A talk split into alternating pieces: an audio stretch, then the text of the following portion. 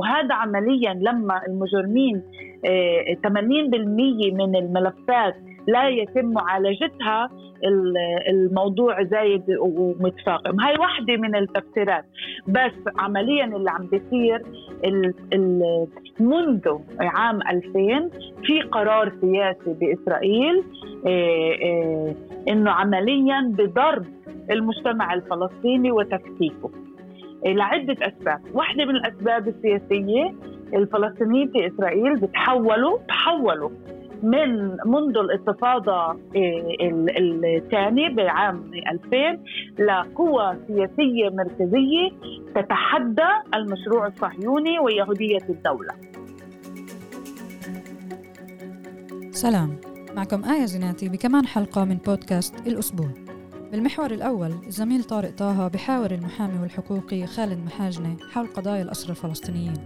في ذكرى هروب أسرى نفق الحرية الستة والأحكام على شبان هبة الكرامة وإضراب الأسرى الفلسطينيين في سجون الاحتلال اللي رح يبدأ في 14 تسعة وذلك على أثر التضييقات الإسرائيلية على الأسرى.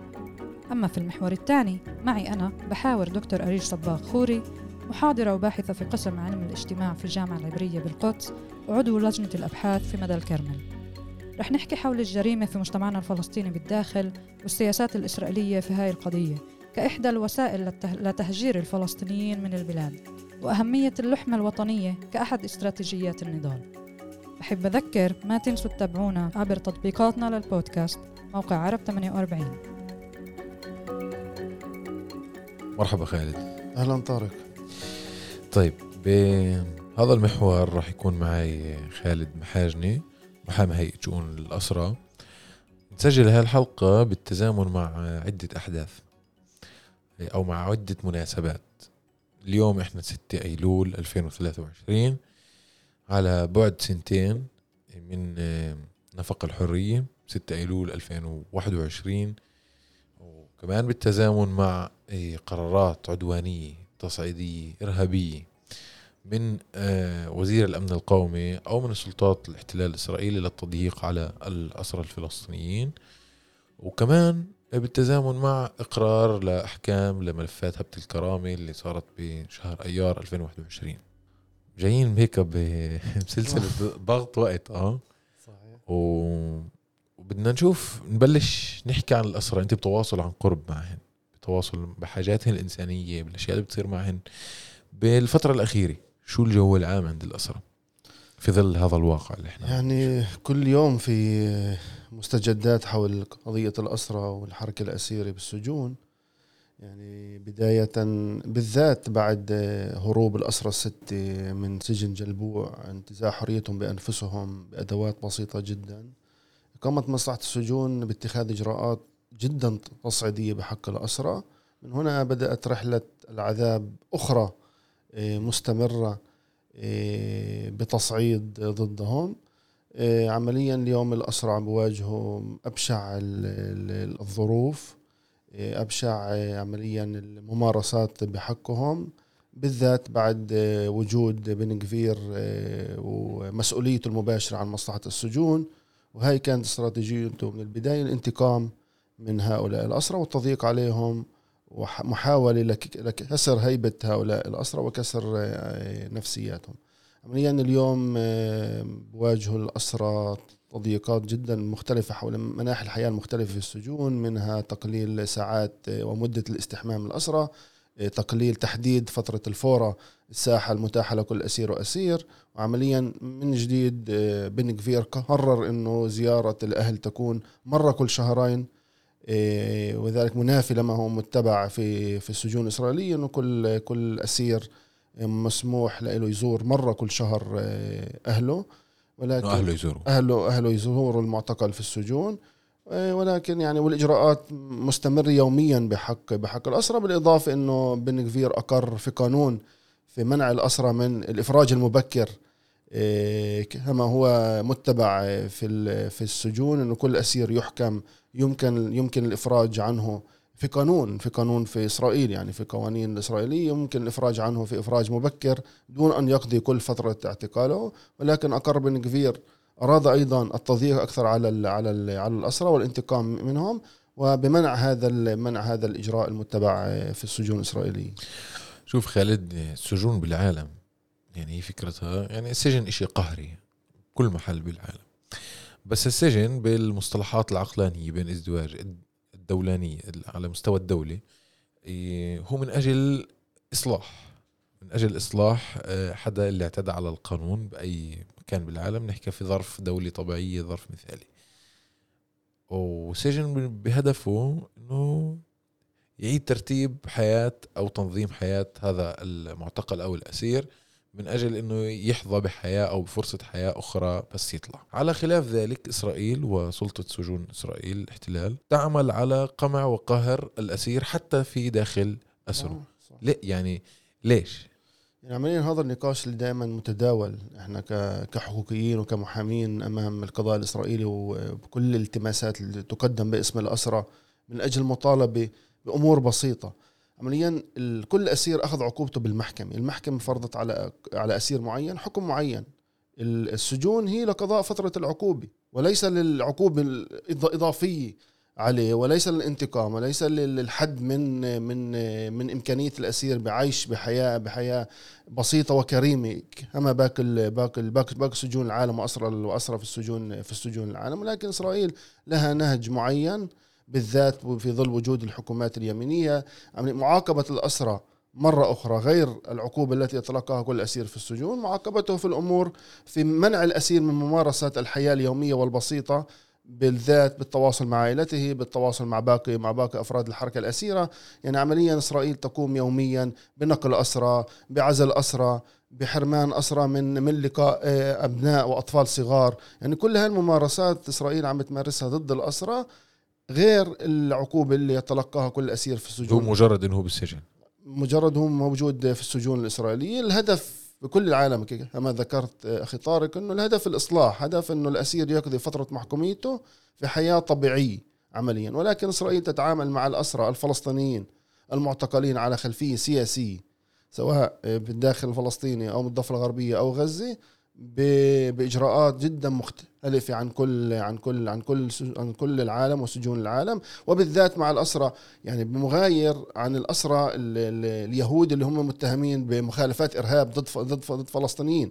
يعني هناك ينعمون بكل وسائل الراحة والحياة وإمكانية الالتقاء بالعائلة وكل هذه الأمور والاتصال المباشر مع العائلة. ولكن يحرم يحرم من هذه التفاصيل البسيطة الأسر الفلسطينيين على الرغم من هذا الأسر الفلسطينيين في معركة مستمرة يعني منذ بداية الاحتلال ودخول أول أسير للسجون الإسرائيلية في معركة مستمرة مع مصلحة السجون ومع الحكومات الإسرائيلية المتعاقبة من أجل انتزاع أبسط الحقوق وقام الأسرى عمليا ب ب ب بالدم عمليا قاموا بانتزاع حقوقهم وليس بالسهولة والبساطة.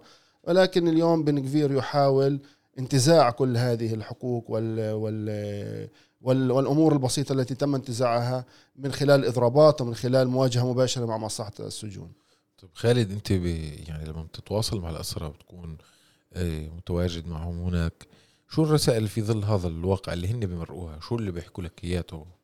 إنه في ظل هالواقع إنه مثل هذا القرار تبع منجفير إنه الأسير بحق له يشوف أهله مرة بالشهرين.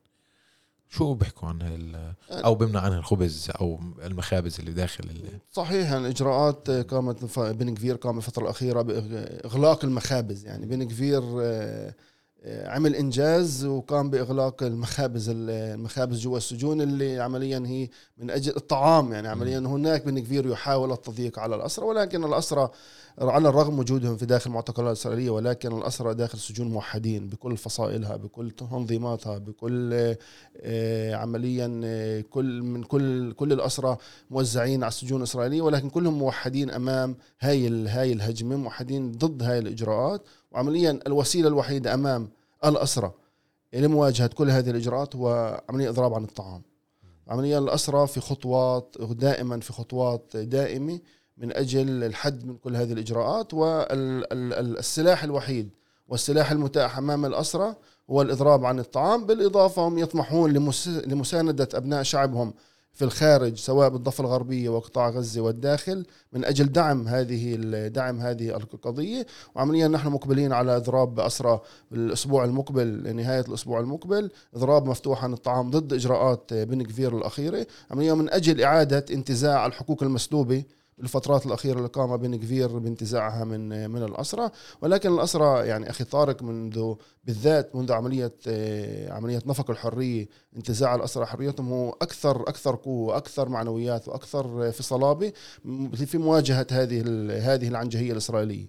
يعني عملية الهرب آه، ستة أسرى هربوا من سجون الإسرائيلية بأدوات بسيطة جدا. هناك كانت آه، تغير المحور وتعامل الأسرى مع مصلحة السجون في في عمليا في عزيمة في عزيمة أقوى. إيه، عمليا أخذوا المعنويات الأكثر من خلال هذه من خلال هذه العملية. وتم في هناك تم شكلوا اللجنة العليا للحركة الأسيرة الفلسطينية عمليا من أجل توحيد كل كل الفصائل تحت إطار واحد ومن أجل مواجهة موحدة في في كل ضد الإجراءات وهي اللي أعلنت عن الإضراب. صحيح هي اللي أعلنت بشكل مباشر عن هذا الإضراب عمليا بالتنسيق مع مؤسسات حقوقية فلسطينية آه، تعني تعتني بشؤون بشؤون الاسرى عمليا والرسائل الموجهه من داخل السجون هي عمليا نداءات آه، لحراكات من داخل أبناء الشعب الفلسطيني لدعم هذه القضية ولدعم الإضراب من أجل عمليا الحد من كل الاجراءات الممارسة ضدهم من من مصلحة السجون ومن بن كفير تحديدا يعني.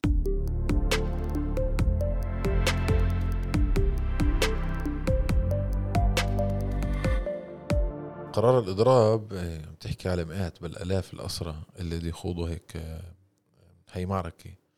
وغالبا بحجم هاي هذا الاحتجاج سلطات مصلحة السجون بتتراجع.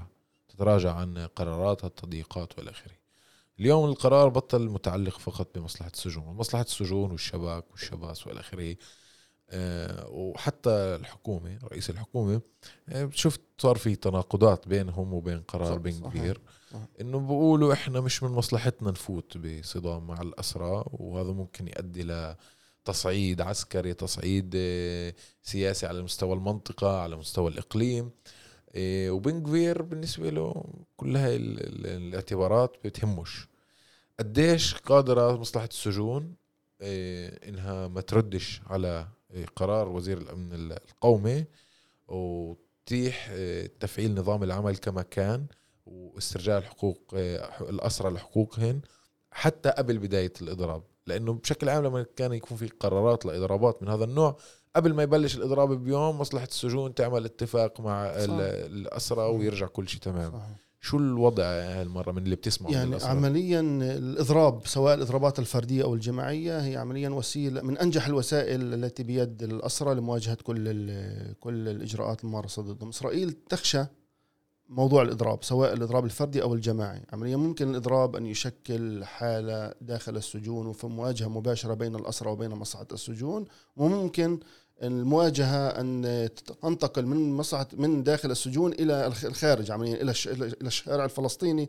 سواء بالداخل من مظاهرات وحراكات ومواجهات ممكن أن تكون مستقبلا لدعم لدعم موضوع الاسرى. إسرائيل دائما تخشى هذا الدخول في هذا في هذه المواجهة مع مع الاسرى، الاسرى قوة عمليا داخل داخل السجون وبالتالي يمكن كما هو متوقع والتحليلات والتحليلات داخل داخل مصلحة السجون وتحليلات المخابرات والاسرى أنفسهم أن تتراجع إسرائيل على الرغم من معارضة بن كفير. عمليا المخابرات صحيح يعارض كل موضوع كل موضوع إجراءات بن كفير ولكن المخابرات عمليا يعني عمليا مش لأنه أحسن من يعني دعنا نقول ليس أحسن من كفير ولا لأن المخابرات بيسلموا أمر الواقع إنه لا بيطلع لهم هذول الاسرى حقوق وبيطلع لهم كذا. هم المخابرات عم يحاولون عملية اختيار الوقت المناسب من أجل تحضير أنفسهم لمواجهة هؤلاء هؤلاء الأسرى.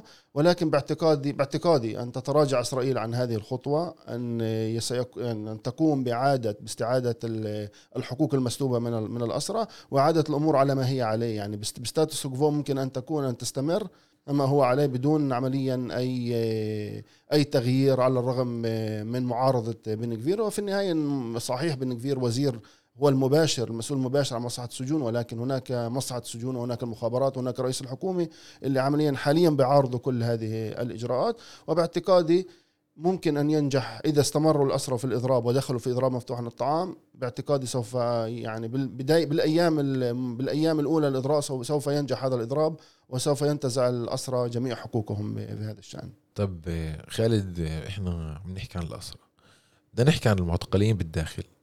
هبت الكرامة انت كمان كنت عندنا ضيف كذا مرة بهذا الشأن. صار سنتين ونص تقريبا كمان شوي.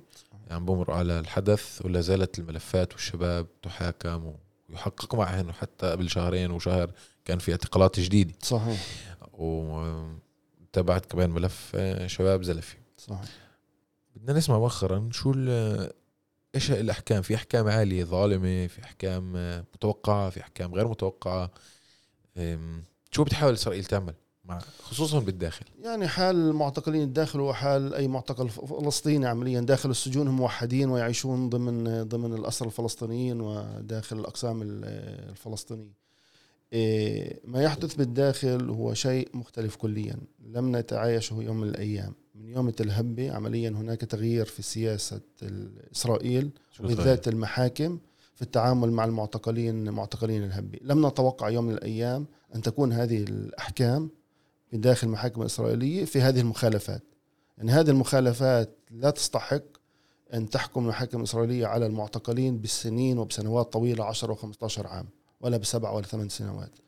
ولكن إسرائيل أرادت عمليا. المنظوم المحاكم الإسرائيلية غير محيدة عن عن الجهاز المخابرات والشرطة والحكومة الإسرائيلية. يعني عمليا الحكام هم حكام تابعين لهذه المنظومة. فإحنا لا نعول أيضا على هذه المحاكم ابدا ولكن المحاكم أرادت تنفيذ إيه، سياسة إسرائيلية عنصرية بحق هؤلاء المعتقلين أرادت الانتقام من هؤلاء الشباب بالإضافة أرادت تخويف المجتمع الحاضن لهؤلاء لهؤلاء الشباب الهبه بالذات. فعمليا اليوم بنواجه أحكام جدا صعبة. هناك معتقلين فرضت عليهم أحكام عشرات السنوات.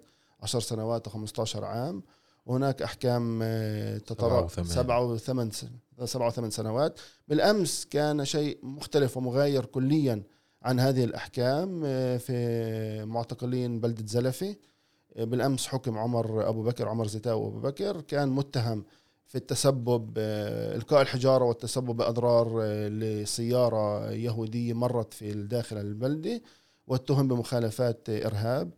بالأمس يعني عمليا المحكمة حكمت بحكم دعنا نقول على الرغم مخفف على الرغم من نحن نستنكر وننكر كل الأحكام الظالمة بحق بحق شباب الهب سواء يوم أو 18 شهر ولا ولا ولا 10 10 سنوات نحن ضد هذه ونرفض كل هذه الأحكام ولكن المحكمة بالأمس رفضت كل توجه النيابة وطلب النيابة النيابة النيابة عمليا توجهت المحكمه بفرض عقوبة تتراوح سبع سنوات سبع سنوات ونصف ولكن المحكمة بالأمس رفضت كل هذا التوجه رفضت كل ادعاءات النيابة وقبلت ادعاءاتنا نسبيا بعد معركة قانونية استمرت لأكثر من عامين في هذا الملف وحكمت بحكم مخفف تقريبا على عمر 18 شهر. ولكن نحن عمليا ممكن أن نواجه استئناف من النيابة على هذا الحكم ومن جهتنا سوف نقوم باستئناف الناحية المبدئية عمليا نحن كمحامين نستنكر هذا هذه الأحكام ونرفض كل هذه الأحكام بحق شباب الهبة. عمليا ما قام به شباب شباب الهبة وعمليا التحام مع أبناء شعبهم بالشيخ بالشيخ جراح وقطاع غزة والضفة الغربية. في أماكن معينة الدفاع عن بيوت. عمليا في الدفاع عن بيوتهم في أماكن معينة زي ما كان بحيفا وبعكا وإلى آخره. ولكن آه، فبالذات من هذا الباب سوف نقوم بتقديم استئنافات. عمليا من أجل تخفيض سقف العقوبة ومن أجل آه، عمليا إيصال رسالة ان عمليا هؤلاء الشباب لا يستحقون هذه الأحكام. هاي الشباب انتفضت دافعت عن حالها دافعت عن بيوتها التحمت مع أبناء شعبها ولا يستحقون هذه الأحكام. عمليا دائما نحن في نقاش في المحاكم يعني هاي المخالفات اللي اللي حوكموا عليها شباب الهبة. ان أنا أيضا أعمل بحكم شغلي معي شغل الاسرى في المحاكم العسكرية. المحاكم العسكرية هي تحاكم مواطنين ضفة غربية على مخالفات آه، أمنية عملية وسياسية هذه الأحكام هذه المخالفات في المحاكم العسكرية ممكن أن تنتهي الملفات بأحكام مخففة جدا. فهنا السؤال يعني لماذا في المحاكم العسكرية محاكم الاحتلال المباشر المقام على أراضي الضفة الغربية تحكم بأحكام مخففة؟ فأنتم المحاكم الإسرائيلية تحكمون ناس مواطنين عمليا بأحكام جائرة وصعبة. والجواب هو واضح يعني عند الحكام ولدى الحكام أن هؤلاء مواطنين إسرائيليين هؤلاء عمليا ناس اللي آه، عمليا يعني قامت بخيانة المجتمع ودولة إسرائيل وبالفعل عمليا انتقام أكثر من أجل من من هاي من هؤلاء الشباب. انتقام أكثر من العقوبة. انتقام أكثر من العقوبة. فكي كان بالأمس واضح بقرار الحكم عمليا هو عمليا القاضي قرر من أجل عمليا ردع عمر وردع الآخرين المجتمع من القيام مستقبلا بمثل هذه مثل هذه الأعمال آه، بحق بحق في مستقبلا في في, في هذه البلاد. طب خالد هيك بدنا ننهي يعني إحنا تقريبا. بس سؤال أخير أو ممكن توجيه منك أو بصفتك محامي عملت سنوات طويلة مع اسرى وكمان مع معتقلين في ظروف احتجاج. حق كل انسان يطلع يحتج. صحيح. والقانون بيكفل حق احتجاجه وشك أحيانا أشكال الاحتجاج المختلفة كمان القانون بيكفلها سواء الدولي سواء حتى بدنا نحكي على الإسرائيلي إذا بدنا نفوت بهاي الجولة. بس شو بتنصح الشباب؟ يعني إحنا مش هدفنا نعتقل يعني أحيانا لما تطلع تحتاج يعني تحتاج مش هدفك تكون معتقل. صحيح. ومش هذا اللي بدك اياه مرات يفرض عليك فرض. شو لازم يعمل الشخص اللي بينزل يتظاهر وممكن لأنه الاحتجاجات مش راح تنتهي. يعني هاي إسرائيل يعني مسار طويل بالنضال ما دام الاحتلال موجود ما دام الاحتجاجات مستمرة ودائمة يعني شو ف... شو وسائل الحظر خلال التحقيق قبل الاعتقال بالاعتقال؟ توجيه بسيط يعني لأي حدا بيسمع. عمليا كل يوم في إسرائيل في قوانين تتغير بهذا الشأن من أجل حد بكل موضوع الاحتجاج بالذات للفلسطينيين في الداخل في الداخل بالذات في الأمور السياسية. ولكن باعتقادي إنه يعني الاحتجاج هو حق مشروع بالقانون ومن ناحية منطقية حق كل اسير حق كل كل شاب أو شابة أو أبناء مجتمع أن يتظاهروا. ولكن في البداية إيه، كل شاب أو شابة أو أحد متظاهرين تم اعتقاله في البداية يمنع أن أن يدلي بأي بأي تحقيق أو أي معلومة أو سواء تعريف عن نفسه بدون لقاء محامي. وجود محامي معك بالتحقيق أو استشارة محامي يكفل ويمكن أن ينقذ أي معتقل من الاعتقال الغير مبرر والاعتقال عمليا اللي ممكن يستمر لأيام ممكن تقديم لائحه اتهام. فوجود محامي واستشارة محامي إيه، في مختص في هذا المجال ممكن أن يوفر وقت اعتقال وزمن وزمن اعتقال. كما ذكرت أخي طارق يعني هاي معركتنا مستمرة واحتجاجاتنا مستمرة والموضوع يطول مبين إن شاء الله. إن شاء الله لا يطول يعني. إن شاء الله لا يطول. وهيك وشعبنا وناسنا كلهم ينعموا بحرية أكيد. وهيك بدون سجون يعني. إحنا حكينا بالبداية السجن يعني هو أداة للإصلاح بين إزدواج. أنا يعني على الصعيد الشخصي بشوفش هيك هي أداة قمعية جدا مش ممكن تعمل تأهيل لإنسان بسجن. خصوصا إذا بتحكي على دولة هي في ظرف دولة احتلال دولة فيها تفوق عنصري عرقي على مجموعات أخرى. فبالتأكيد يعني إيه، السجن مش هو الحل. إنما انهاء الاحتلال. ثاني هاي بشكل عيني بالذات موضوع اسرى نفق الحرية اللي هربوا. من أحد العبارات اللي عبر عنها أحد الاسرى في خلال المحاكم يعني بالذات الأسير محمود العارضة حكى للمحكمة أنا موجود بالسجن 25 عام. يعني أنا كل يوم بسأل حالي متى سأخرج من هذا المعتقل. ما في بالأفق يوم معين أنا سوف أخرج. فاضطريت إنه أنا أنتزع حريتي بنفسي أبحث عن حريتي من تحت الأرض لأنه غير متوقع ان إسرائيل تقوم بفتح الباب لي وتقوم وتقول لي اخرج إلى إلى الحرية واخرج إلى عائلتك. وبالفعل يعني الشعب الفلسطيني بالذات الأسرى يوميا يوميا يحلمون ويتمنون الحرية من أجل من أجل حريتهم وحرية أبناء شعبهم والعيش في بكرامة. ونأمل أن تكون هذه هذه الفرصة بالمستقبل القريب. وهم مع قناعة يعني كل الأسرى الفلسطينيين في السجون الإسرائيلية هم مع قناعة أن الحرية بالذات حريتهم هي حرية حتمية. سوف تكون لا محالة. إن شاء الله. تسلم يا خالد. شكرا كثير. عفوا يا طارق. المحامي من قبل هيئة شؤون الاسرى يعطيك العافية. الله يعافيك الله يعافيك.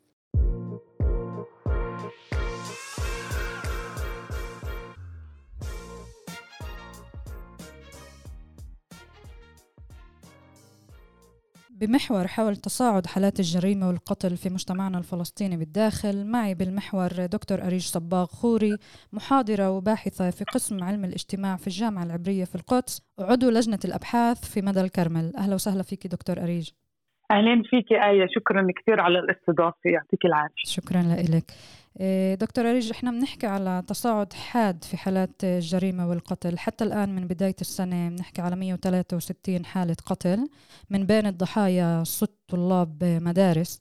بالعام 2022 السنة الماضية 109 حالات جرائم وبال 2021 111 بداية بهمني دكتور أريج هيك توصفي بتحليل منك الحالة بما يخص الجريمة وسلاح وتفاقم الوضع اليوم. الوضع اللي عم بيصير إنه يعني مو كيف ممكن نفسر التصعيد في عدد القتلى؟ المجتمع الفلسطيني في إسرائيل إيه، إيه، يعني يعاني من حالة تهميش. آه، وأيضا من حالة عنف الدولة بتمارسها اتجاهه وعنف بت... آه، اللي عم. وجريمة اللي عم بتكون بقلب المجتمع الفلسطيني بس واحدة من التفسيرات السوسيولوجية اللي ممكن نتطرق لها لقضايا الإزدياد تحديدا بهاي السنة إنه الاحتجاجات السياسية اللي عم بتصير في إسرائيل عمليا آه، تكثيف الجهود وال الخطاب السياسي والأعين اللي عم بيصير فيما يسمى بإسرائيل وكل التعديلات القضائية عمليا آه، آه، المجتمع الفلسطيني آه، بحالة اللي ما فيها حماية والمجرمين بيعرفوا تماما إنه ما في محاكمة ولا في محاسبة لأفعالهم واللي عم بيسووه ولا القتل. وهذا عمليا لما المجرمين 80% من الملفات لا يتم معالجتها الموضوع زايد ومتفاقم. هاي واحدة من التفسيرات. بس عمليا اللي عم بيصير منذ عام 2000 في قرار سياسي بإسرائيل آه، آه، إنه عمليا بضرب المجتمع الفلسطيني وتفكيكه. آه، لعدة أسباب. واحدة من الأسباب السياسية الفلسطينيين في إسرائيل بتحولوا تحولوا من منذ الانتفاضة الثانية بعام 2000 لقوى سياسية مركزية تتحدى المشروع الصهيوني ويهودية الدولة نعم. وهذا الوعي حول مكانتهم السياسية آه، آه، يجمع عليه أيضا الفلسطينيين في باقي أجزاء فلسطين التاريخية وأيضا في الشتات الوزن النوعي السياسي للفلسطينيين في إسرائيل بعد آه، بناء نفسهم منذ النكبة آه، وبعد إعادة بنائنا كمجتمع آه، اللي مرق بالتراوما تبعت النكبة وما زال يعيش نكبة مستمرة المجتمع وخطابه السياسي جلب مشاريع سياسية تحدت يهودية الدولة وتحدت استعمارية الدولة. وهذا رأته إسرائيل خطر على ما يسمى الدولة اليهودية وعلى وجودها وصوبت يعني إسرائيل كانت واضحة اللي بيبحث الموضوع إيه، إيه، بشوف تصريحات يعني ديسكن مثلا آه، بواحد من تصريحاته ببداية 2003 أو أربعة أشار بشكل واضح مثلا أنه التجمع وخطابه السياسي خطر استراتيجي على إسرائيل نعم.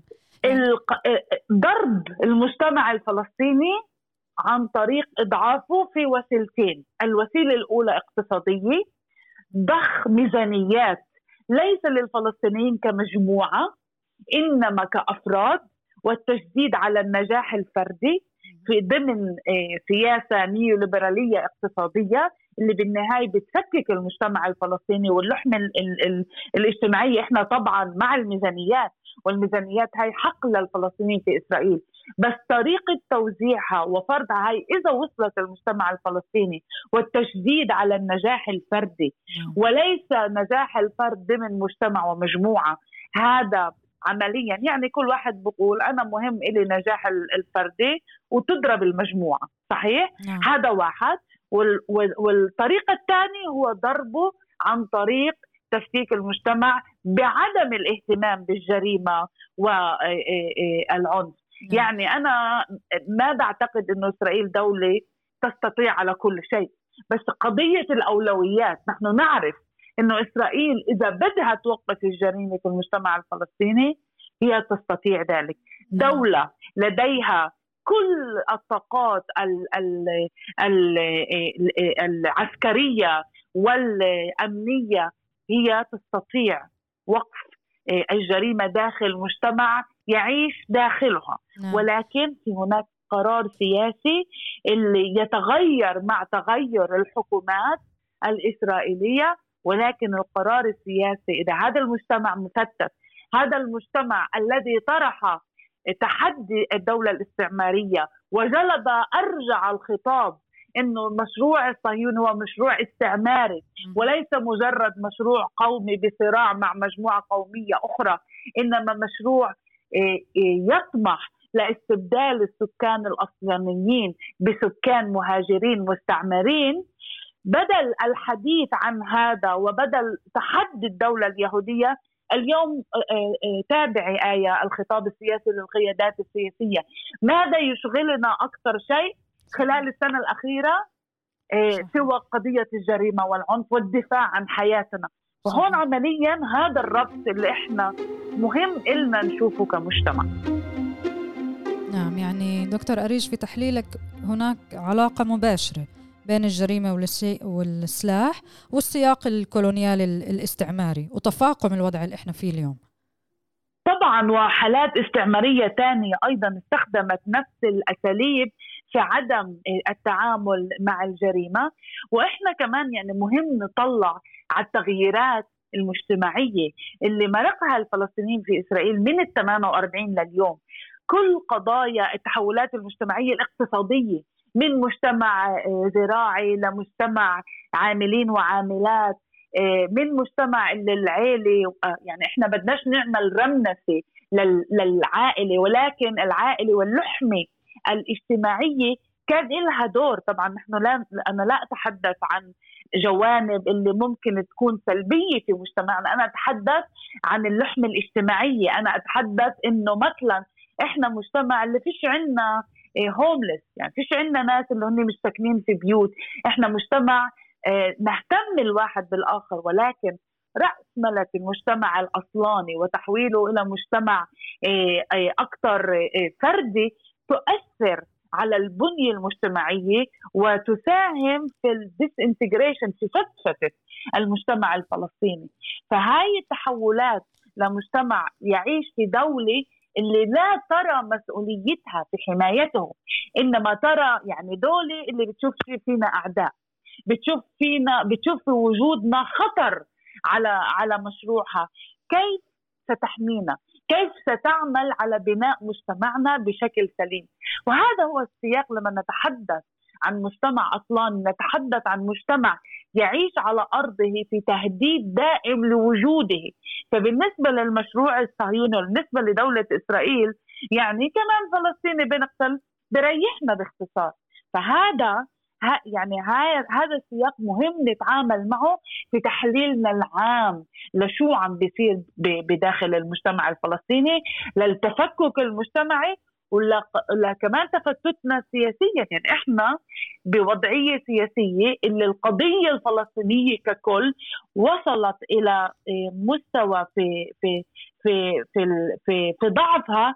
لا يمكن لم نشهده منذ العام 48 فإذا بنربط الخيوط مع بعضها بنشوف الوضعية وبنحللها بمكانه اللي من ناحية الفلسطينيين في إسرائيل آه، شكلوا آه، آه، تحدي استراتيجي لدولة إسرائيل بس من ناحية ثانية المجتمع الفلسطيني بدأ ينضرب والمسألة الوطنية الفلسطينية والانقسام الفلسطيني وسقوط حل الدولتين كل الأمور مع بعضها أدت إلى وضعية اللي نحن اليوم آه، بنشهدها وبنشهد تفاقمها بنشهد وضعية اللي الناس خايفة على مجرد وجودها.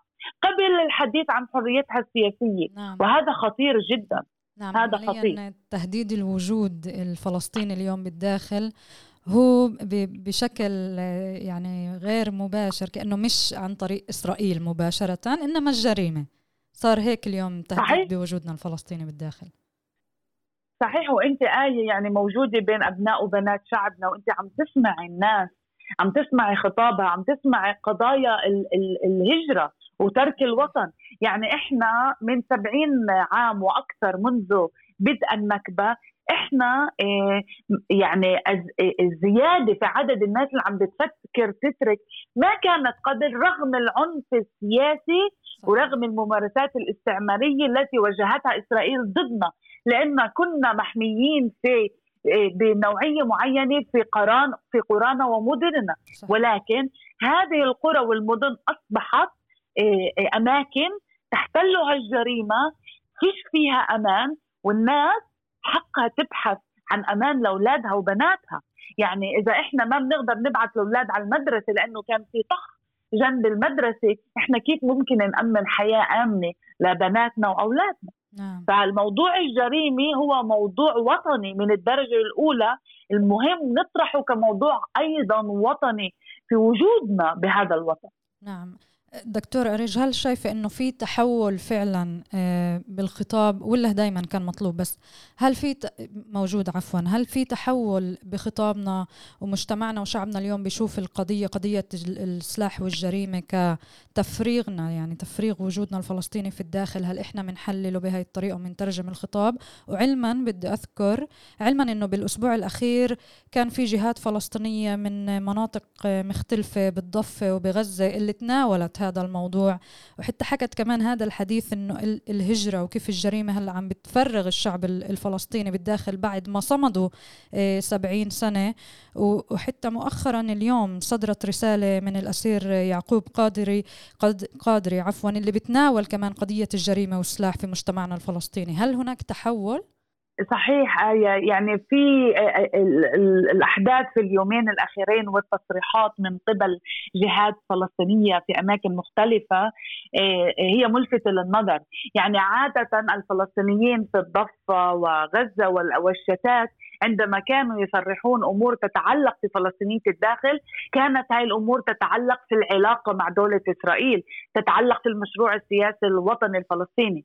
وفي بداية الحديث تحدثت معك حول الوزن النوعي للفلسطينيين في إسرائيل في المشروع الوطني الفلسطيني في رؤية الفلسطينيين بالمجمل لدور الفلسطينيين في إسرائيل.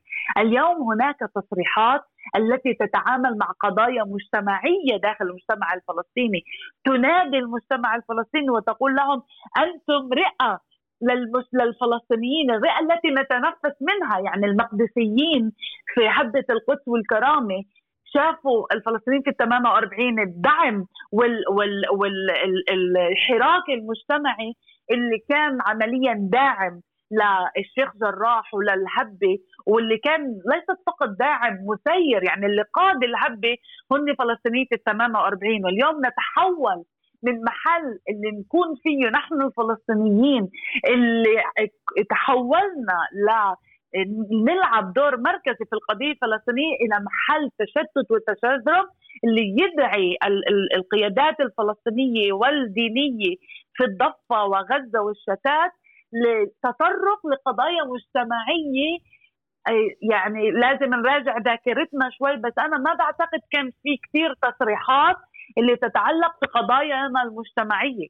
ويمكن هاي هاي التصريحات يعني من أوائل التصريحات على هذا الموضوع وهذا يشدد على المحور الذي حكينا عنه على قضية أهمية وجودنا في وطننا وعلى رؤية هاي المجموعات والقيادات الفلسطينية للخطر الذي يعني يحدق بنا بموضوع الجريمة والعنف والمناداة إنه تعالوا إيه، يعني إيه، أوقفوا هذا حمام الدم شلال الدم ونحن بحاجة لكم وأنتم بحاجة لوجودكم بامان في هذا في المجتمع الفلسطيني في الداخل داخل إسرائيل.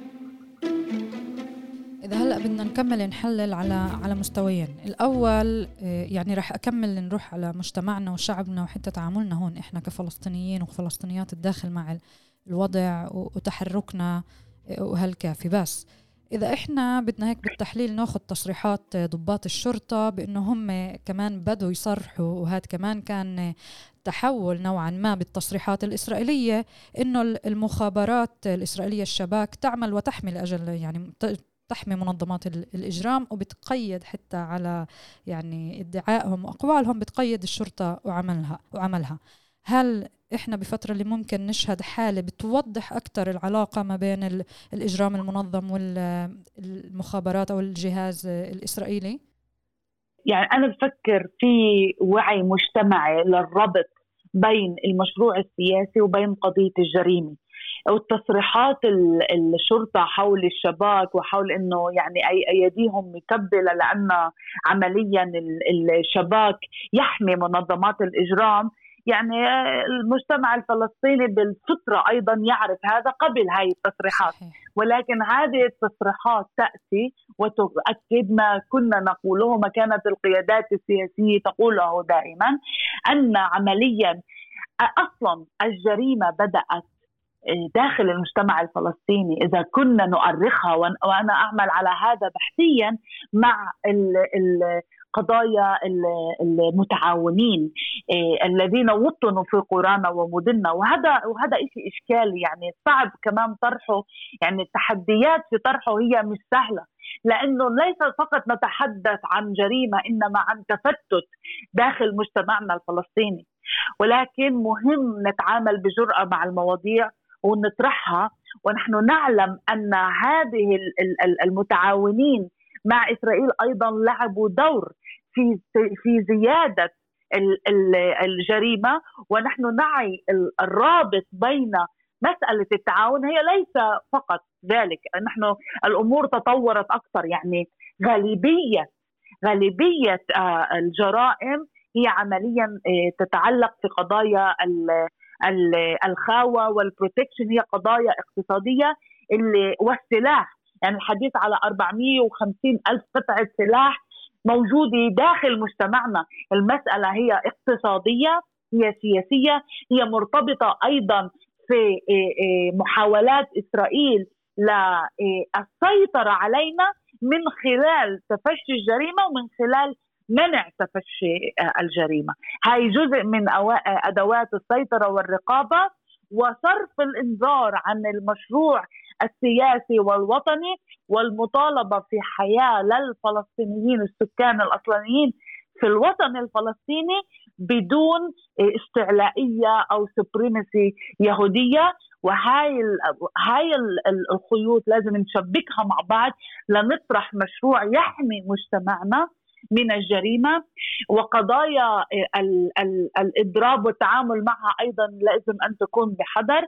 نحن لازم نلتزم بقراراتنا السياسية والمجتمعية. إذا طلابنا خسروا يوم في المدرسة وأنا كأم أتحدث أنا طبعا يصعب علي أيضا لما الاولاد يكونوا مضربين. ولكن اليوم اللي بدي يضربوا فيه أولادي وبدهم يخسروا تعليمهم مش يعني مهم كثير فهمه في قضايا إحنا اليوم آه، آه، نحمي أولادنا. موضوع الجريمة والعنف هو أهم من الدروس لأنه السياسي هي جزء من حياتنا اليومية. نعم. وإذا إحنا كمجتمع صعب علينا نكون موحدين في قرارات بغض النظر إذا أنا أفهم التحفظات. ونعم الآليات التي صفت بيدينا وقضايا الإضراب مهم أن نأخذها بالإجماع ولكن مجتمع بده ينفض الجريمة عنه هو بحاجة للتنظم والتنظيم وبحاجة لإستراتيجيات الإضراب.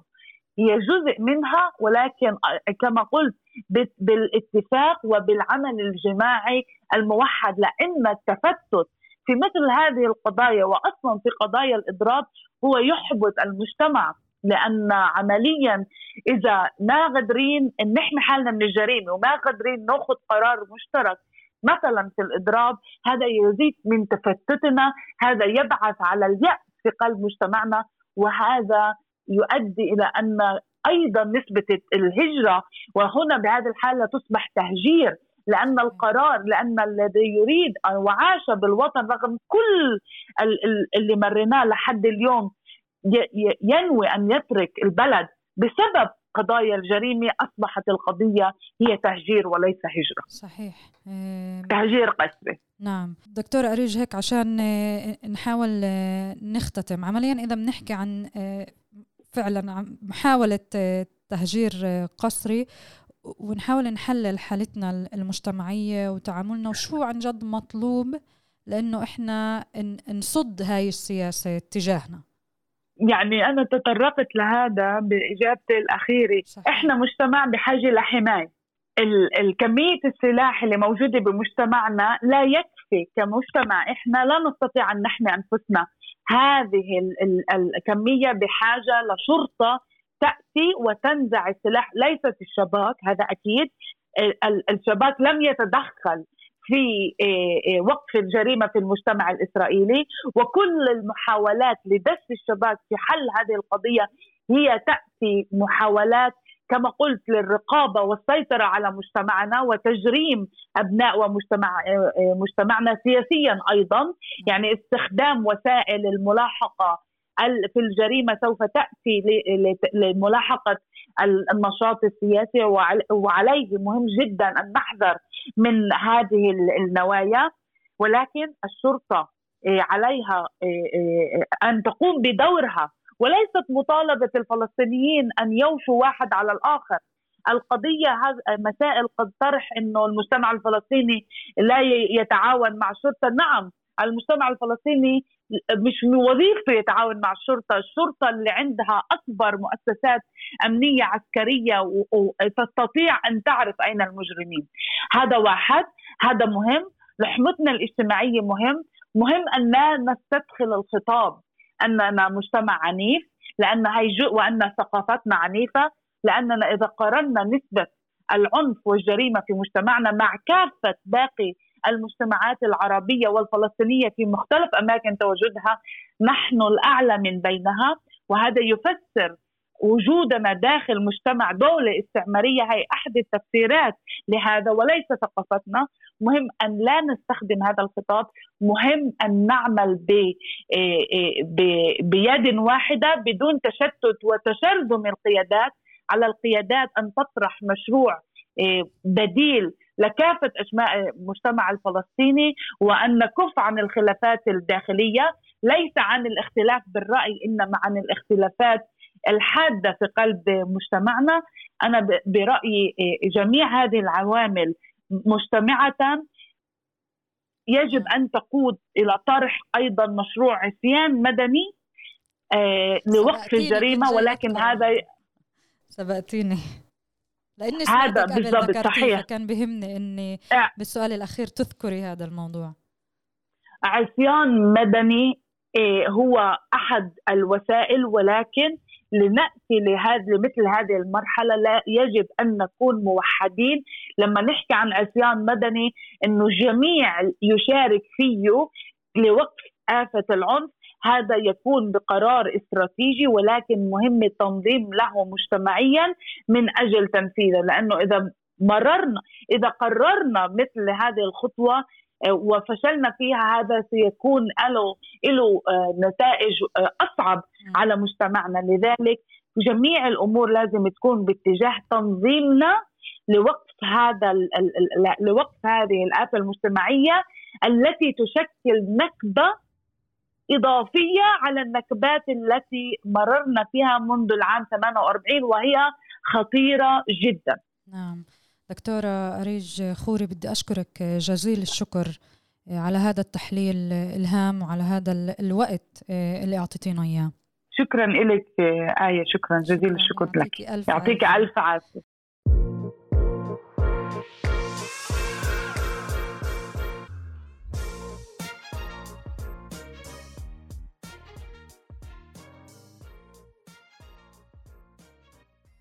طيب أعزائنا المستمعين هيك بنكون وصلنا لنهاية حلقتنا من بودكاست الأسبوع في عرب 48 بدي أطلب منكم طلب اللي لسه ما عملناش متابعة على منصات البودكاست المختلفة Spotify Google Podcast Apple Podcast تنسوش تعملوا لنا متابعة اسا اعملوا لنا متابعة كثير بيساعدنا. تنسوش تبعثوا لنا مقترحاتكم وملاحظاتكم على الحلقات السابقة وعلى مقترحات لحلقات قادمة. وللاسبوع القادم لقاء آخر. يعطيكم العافية.